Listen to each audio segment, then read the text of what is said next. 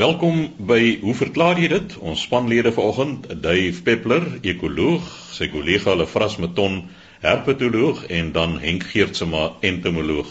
Dave, vandag begin ons by jou en jy verduidelik vir ons wat is volhoubaarheid? Môre Chris, ja, ek het 'n e-pos gehad van Callie Loggerenberg van George, lyk dit my? Nee, dit was van elders anders. Maar hy sê julle praat heeldag van volhoubaarheid en wat beteken dit eintlik? Nou, volhoubaarheid in alle opsigte beteken die vermoë van organismes om uit te hou met ander woorde om te oorleef. Maar in terme van die ekologie en van bewaring het dit daarom 'n ander betekenis. Nou die mens het 'n verantwoordelikheid. Nou baie mense sê dis 'n Bybelse godsgegewe verantwoordelikheid maar ek dink dit is net eenvoudig ook 'n humanistiese verantwoordelikheid om hierdie ekosisteem waarin hulle leef te onderhou. Want as ons dit nie doen nie, weet ons almal goed en wel dat die ding gaan in duie stort en ons gaan dood van honger. Maar ek dink omdat ons ook denkende wesens is, is daar ander dryfvere wat hierdie stelsel in die gang hou. Die een is ekonomies. Ons moet geld maak. Die kapitalisme is reg. Want net as jy geld maak, kan jy belê in bewaring. Jy kan dit nie net eenvoudig as liefdadigheid doen nie. Waar moet dit vandaan kom? En dan natuurlik ook 'n ding wat baie belangrik is en dit raak vir my meer belangrik by die dag, is dat ons moet ook 'n sosiale verantwoordelikheid hê. En vir my een van die treffende knelpunte van die opset in Suid-Afrika vandag en ek hoop die regerende party luister, is dat ons kan nie bewaring aanspreek met 'n oneweredige verdeling van welvaart nie. Ek praat nie van die Tutu model hier nie, maar in die algemeen. Hoe op aarde kan ons vir enige iemand vra om te bewaar as hy elke dag van sy lewe in 'n vuilgoedblik moet krap om kos vir sy kinders te kry? Kom ons los dit daar, maar ek wil net die gedagte daar los. Nou, waaraan word ekosisteme gemeet? 'n funksionele ekosisteem gee vir ons dienste. Hierdie dienste is vars lug en water en filtrering en vloedbeheer, 'n hele klomp ekosisteemdienste wat mense nie aldag bewus is van nie. Maar ons kan dit wel meet. En een van die maniere om daarna te kyk en ek wil luisteraars graag vra om te gaan kyk na die ecosystem of die Millennium Ecosystem Assessment. Dit is op die internet beskikbaar. Dit is 'n ongelooflike internasionale poging om die soos die Duitsers sê die stand der dinge van die ekosisteem soos dit vandag is te bepaal en sê waar is al die probleme. Nou ons weet dat die pessimistiese voorspelling vir menslike bevolking sal wees 9 miljard teen die jaar 2050. Dit beteken baie eenvoudig dat die bevolking van Indië en China soos dit vandag is gaan bykom by die wêreldbevolking teen die jaar 2050. So hierdie ding van volhoubaarheid raak by die dag al hoe meer belangrik. Nou die ekologiese dimensie van hierdie vraag word op twee maniere bestuur. Die een is omgewingsbestuur soos omgewingskundiges dit toepas, né? Nee, daar's metodes om 'n uh, wildtuin reg te bestuur, maar dan is daar ook 'n aspek bewaringsbiologie wat sê wat moet ons doen as dinge begin verkeerd gaan? Met ander woorde, ons moet besluite neem op kort kennisgewing en met beperkte kennis. En dit beteken ook dat ons gaan foute maak. Maar beskaafde mense sê natuurlik ek is jammer ek het 'n fout gemaak. Akademici sê dit nie so maklik nie.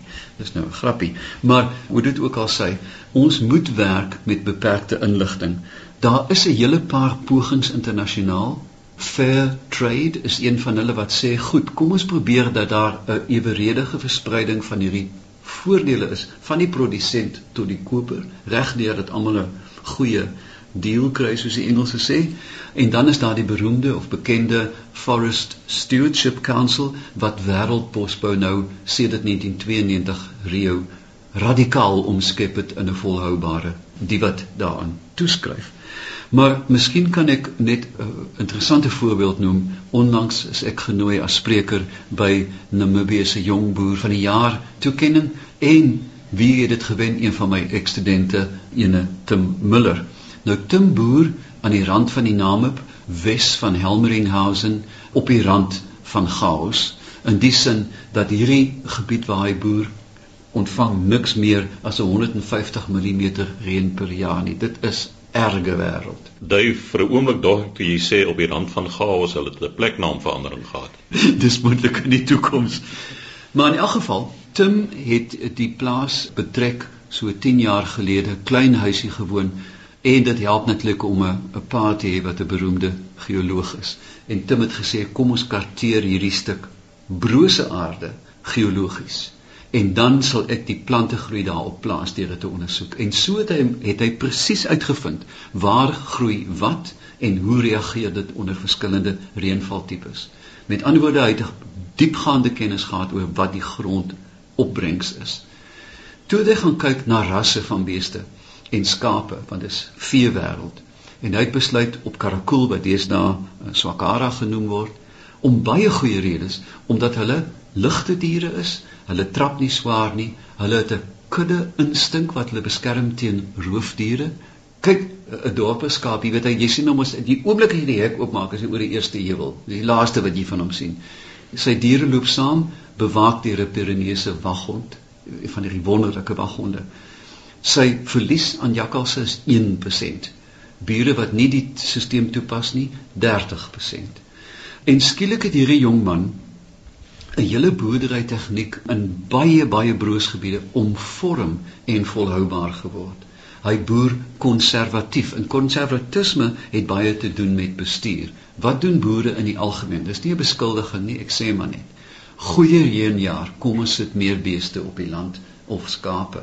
Dis presies wat jy nie moet doen nie. Met 'n goeie reënjaar moet jy eintlik jou vee verminder want dis die saadjaar. Hierdie is die tyd wanneer die plante kan herstel na die droogte. Hierdie is die tyd wanneer jy 'n saadbank kan opbou ensovoorts. So dit klink teenproduktief, maar eintlik in ekologiese terme is dit nie. Om nou die die saak 'n bietjie te begin saamvat, Chris, dink ek dat volhoubare bestuur het te doen met nugter denke. Dit is al wat dit is. Enige mens kan dit eintlik doen as jy nugter omgaan met die gegewe sê ek woon in die Kaap.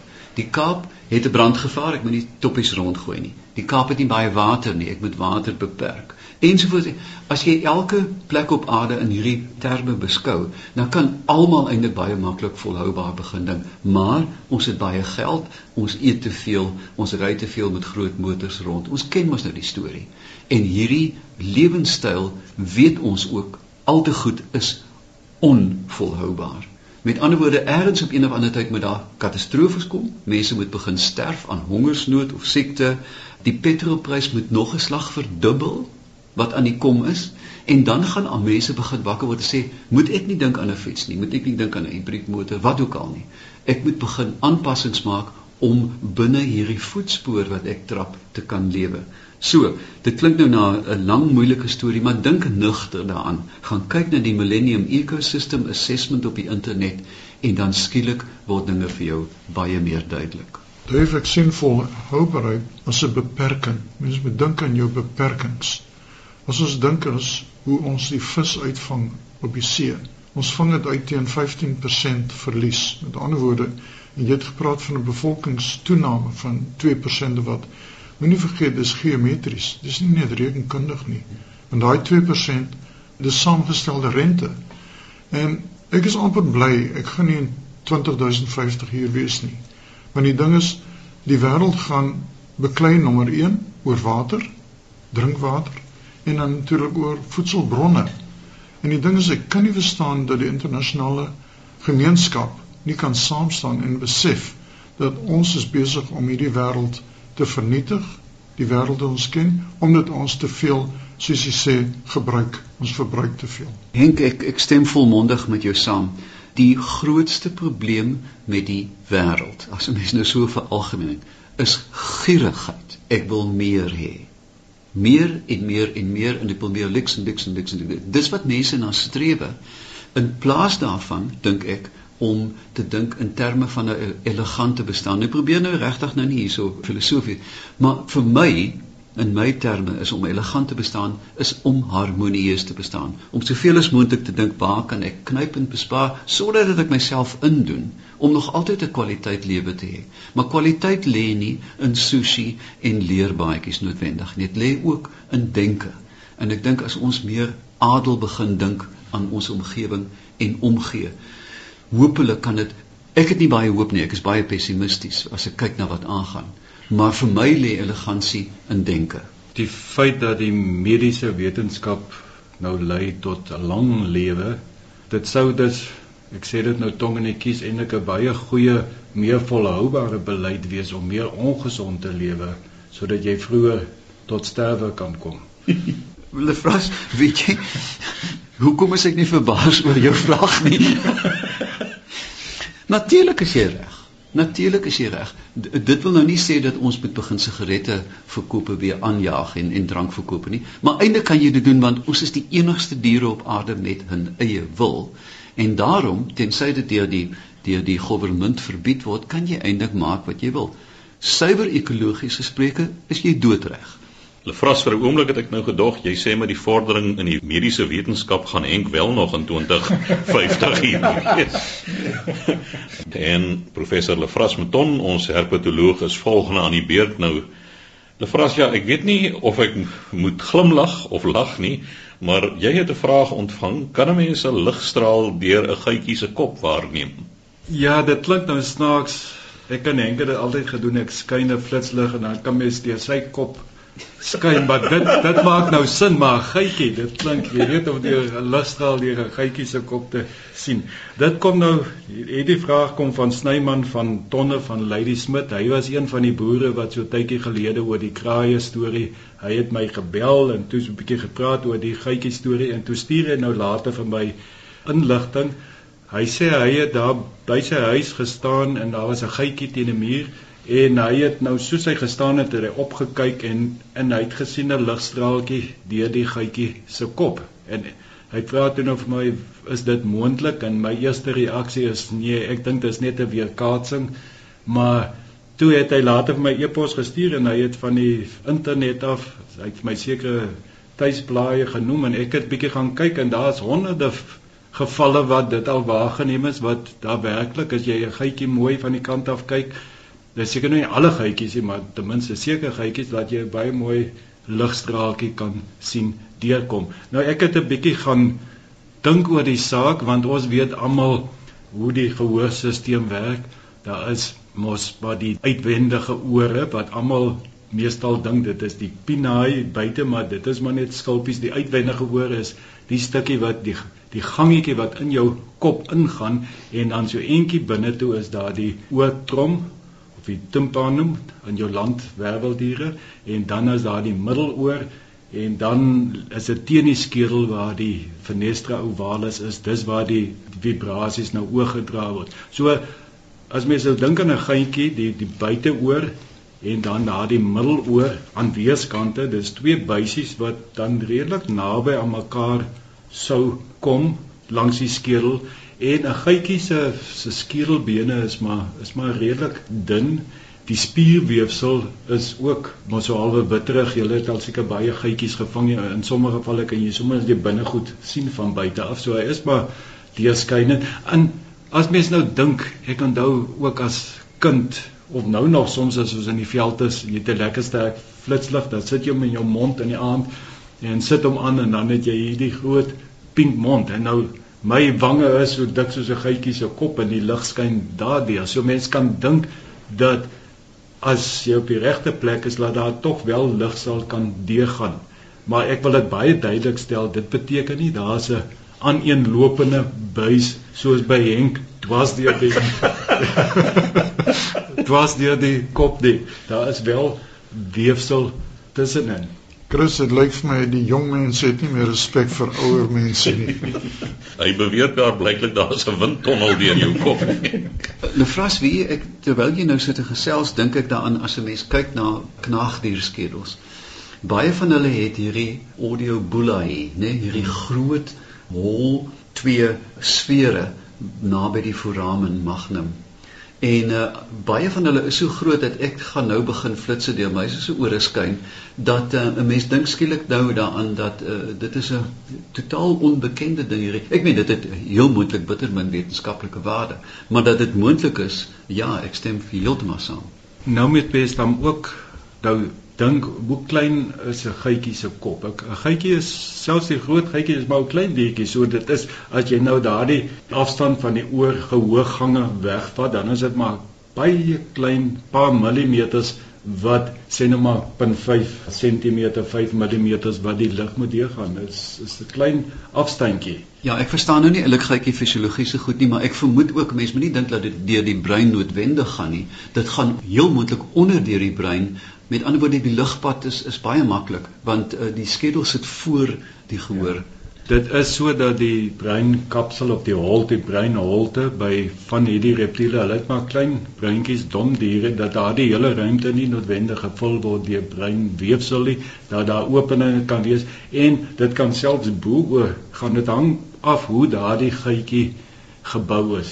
Ek dink seker dit is is maar net 'n samestelling of 'n kombinasie van verskillende faktore. Dit sal nie met alle gytjies moontlik wees om deur hulle koppe te sien nie. Ek dink nie dit gaan 'n ligstraal wees wat kan deurkom nie, maar as ligintensiteit wat eintlik sigbaar is dan aan die ontvanger se kant. Ja, met ander woorde 'n gloed ja. uh, meer as 'n straal. Ja. 'n Straal impliseer onontbroke. Hierdie is 'n gloed wat deurskyn. Ja, ja. ja. So dan moet ons nou dis ligstraal is nou op een van toepassing, maar hierso is dit dan nou ja, dit, dit is wat is nou bedoel jy omdat dat die gaatjie is, die ooggang ja. sien jy dit nou as 'n gloei gloei hy. Gloeiende, ja, ja, dis reg.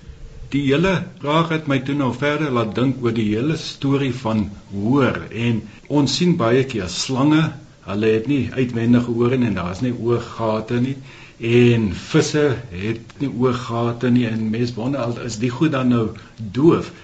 En ek wil dit net baie duidelik stel dat van die primitiefste diere as ons nou maar by jou werveldiere hou, hulle kan hoor. Visse het gehoorapparaat.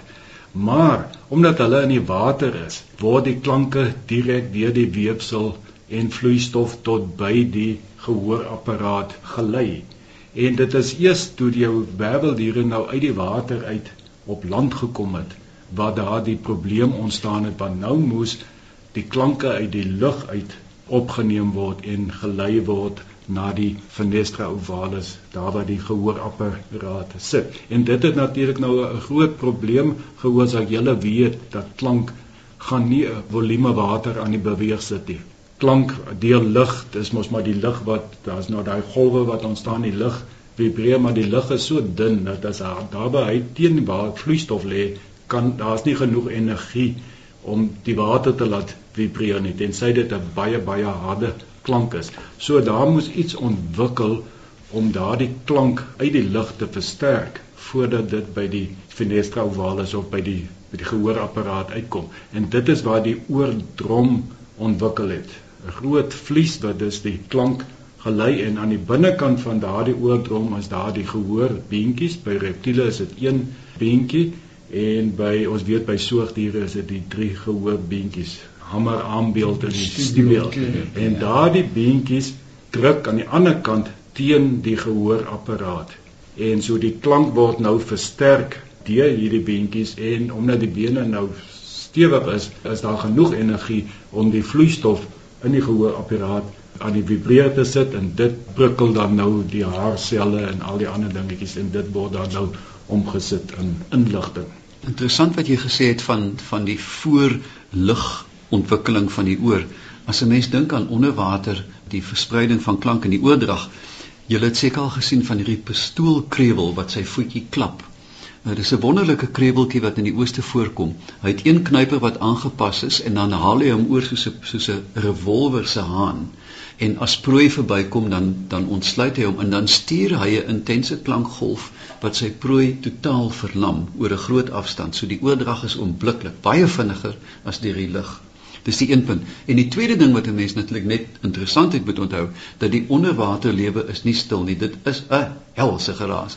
Walvisse sing vir mekaar, dolfyne sing vir mekaar, krebeltjies signaleer. Dit raas letterlik onder die water. Dit is nie net in die water wat dit die geval is nie, maar selfs ook ondergrond, omdat grond is 'n vaste medium, daar trek die klank ook baie beter as in lug. En dit is hoekom slange hulle uitwendige ore of die oortromme verloor het want slange se voorvaders was of in water gelewe of hulle het ondergronds gelewe en dit is hoekom die ore verlore gegaan het. Henk, jy kan ook iets daarvan sê, maar dit is hoe toktokkies kommunikeer, deur die grond, nie deur die lug nie. Hulle tap tap tap tap op die grond, want dit is baie vinniger as deur die lug. Dit is net verbaasend te hoor dat professor Maton glo in evolusie. Wetenskaplikes glo nie in goed nie. Hulle vertolk net inligting en dan pas hulle dit aan soos daar nuwe inligting kom. So hulle weet. Ook Dave baie interessant plat anders byvoorbeeld. Ons weet dat paddas het mos nou oorspronklik, hulle was die goed wat dan nou landlewend geword het, nog gekoppel aan water en dan party paddas het dan nou sekondêr weer teruggekeer na water wat hulle nou permanent in die water bly. So die platander is een so 'n voorbeeld waar dan nou 90% van sy tyd binne in water, nie langs water nie, binne in die water spandeer. En hulle oor, hulle het ook nie daai tympanum, die buitense oordrom het ook weer verlore gegaan. Dit beteken nie die platander kan nie meer hoor nie. Hy's in water. Water soos ons gesê het is 'n baie goeie medium vir klankgolwe om langs te vorder. So ja, mens moet versigtig wees ore. Ons is geneig om pinaai te sien, dan kan 'n ding hoor en as hy dit nie het nie, is hy doof. Een van die beste voorbeelde van klankoordrag onder water is as jy nou in 'n swembad is, jy vat twee klippies jy hulle wel kappe sit teen mekaar onder die water, is die vinnigste wat die ander ou onder die water uitkom.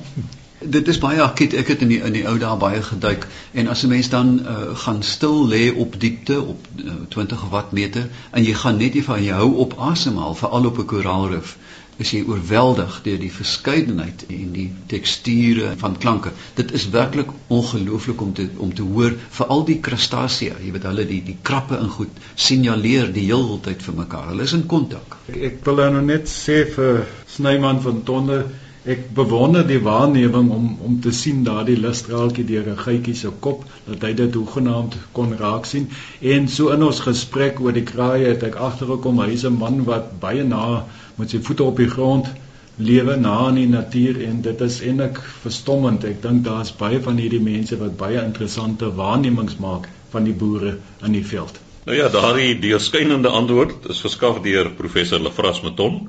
Laaste aan die beurt vanoggend, professor Henk Geertsma en Henk, jy het weer 'n ding wat in staatsie lê hier voor jou. Inderdaad. Ek weet nie wie dit gestuur het nie, maar dit kom van Lei Smit af. Nou weet ek nie of dit van Natal is of van die Kaap nie. Maar wat ons hier het, weer eens 'n klein lykie in staatsie, soos meneer Hannes van Bloem gesê het by 'n vorige program. Hier is 'n sweepspinnekop. Nou, sweepspinnekoppe is baie interessant. Hulle is nie giftig nie, maar die ding is hulle het baie lang voorpote wat in die vorm van 'n sweep beweeg. Hulle is ook natuurlik baie plat. Met ander woorde, mens kry hulle in rotsagtige gebiede. Hulle skuil bedags onder rotse en soms tussen boombas wat 'n bietjie weggetrek het. En hulle is baie effektiewe roofdiere eintlik, want soos jy nou daar kan sien, is die die kake van hulle is eintlik anders ontwikkel. Hierdie groot kake wat hier is, is groot grypers as dit ware. Nou hoe hierdie diere jag in die nag. Hulle gebruik dan die swepe as 'n ware en die swepe kan baie lank wees. Ek het 'n spesimen van Durban waar die spinnekop se lyf is omtrent so 2 cm breed, maar die swepe is omtrent so sê 25 cm. So hulle dek 'n baie wye gebied. So met daai swepe sweep hulle dan as dit ware hulle vee rond en as hy enige prooi raak geraak word, dan gryp daai die groot kake onmiddellik die prooi vas en hulle die prooi. Baie interessant. En jy sal ek sien as mens mooi kyk, die goed het baie skerp tande eintlik. Die prooi gaan baie moeilik hieruit kan ontsnap. En dan word dit lekker hier van agter af gepeursel, net soos die Chinesies sal maak. Ek vind hierdie dier afstootlik. Ek het baie van hulle gesien in Zanzibar. In die trope word hulle eintlik baie groot en ek het onbeskaamd saans my slaapapparaat gespuit met insekdoder want ek het geweet as een van daai swepe aan my raak was ek hysteries. Nou Dave sê hy het nou gespuit met 'n insekdoder. Mens sal ek weet 'n insekdoder werk nie eintlik op aragniet nie, 'n spinnekop nie. Jy het wel die weerluise wat saam met jou in jou slaapsak was doodgemaak. So hulle het nie prooi gehad nie. Maar om terug te kom, jy sê dis 'n vreeslike lelike ding. Het jy al hierdie arme dier gevra wat hy van jou dink? Henk, ek wil net vir jou vra, dis nou baie jare gelede wat ek in tweede jaar was wat ons al hierdie goed bestudeer het. Is dit 'n werklike spinnekop of is dit 'n randgroep? Kyk, dis natuurlik 'n hoogs gespesialiseerde groep, maar hulle is in dieselfde groep as byvoorbeeld die pseudo skorpioene en die sonspinnekoppe. Die sonspinnekop is natuurlik nie 'n ware spinnekop nie. Duif moenie weer jou gesig trek nie. Dit is almal skepsels en ons kan nie vra of die skepsel mooi of lelik moet wees nie. Dis 'n relatiewe begrip. En as ek net tot jou redding kan kom daar, toe hy praat van sy slaapapparaat, Toe wonder ek of hy op 'n stellasie slaap soos 'n hoender. Nee, kyk ek ek reis baie in Afrika en ek het 'n 'n uitvou koffer soos 'n towerkunstenaar waaronder daar 'n blik gif is vir juis hierdie soort van tropiese plekke waar ek die goed nie kan verduur nie. En daar het die tyd ons weer ingehaal. Ons sê baie dankie aan ons drie spanlede vanoggend, professor Henk Geertsma, Lefras Meton en Dave Peppler. U kan gerus aan ons skryf by hoe verklaar jy dit posbus 2551 Kaapstad 8000 of 'n e-pos stuur aan chris@rsg.co.za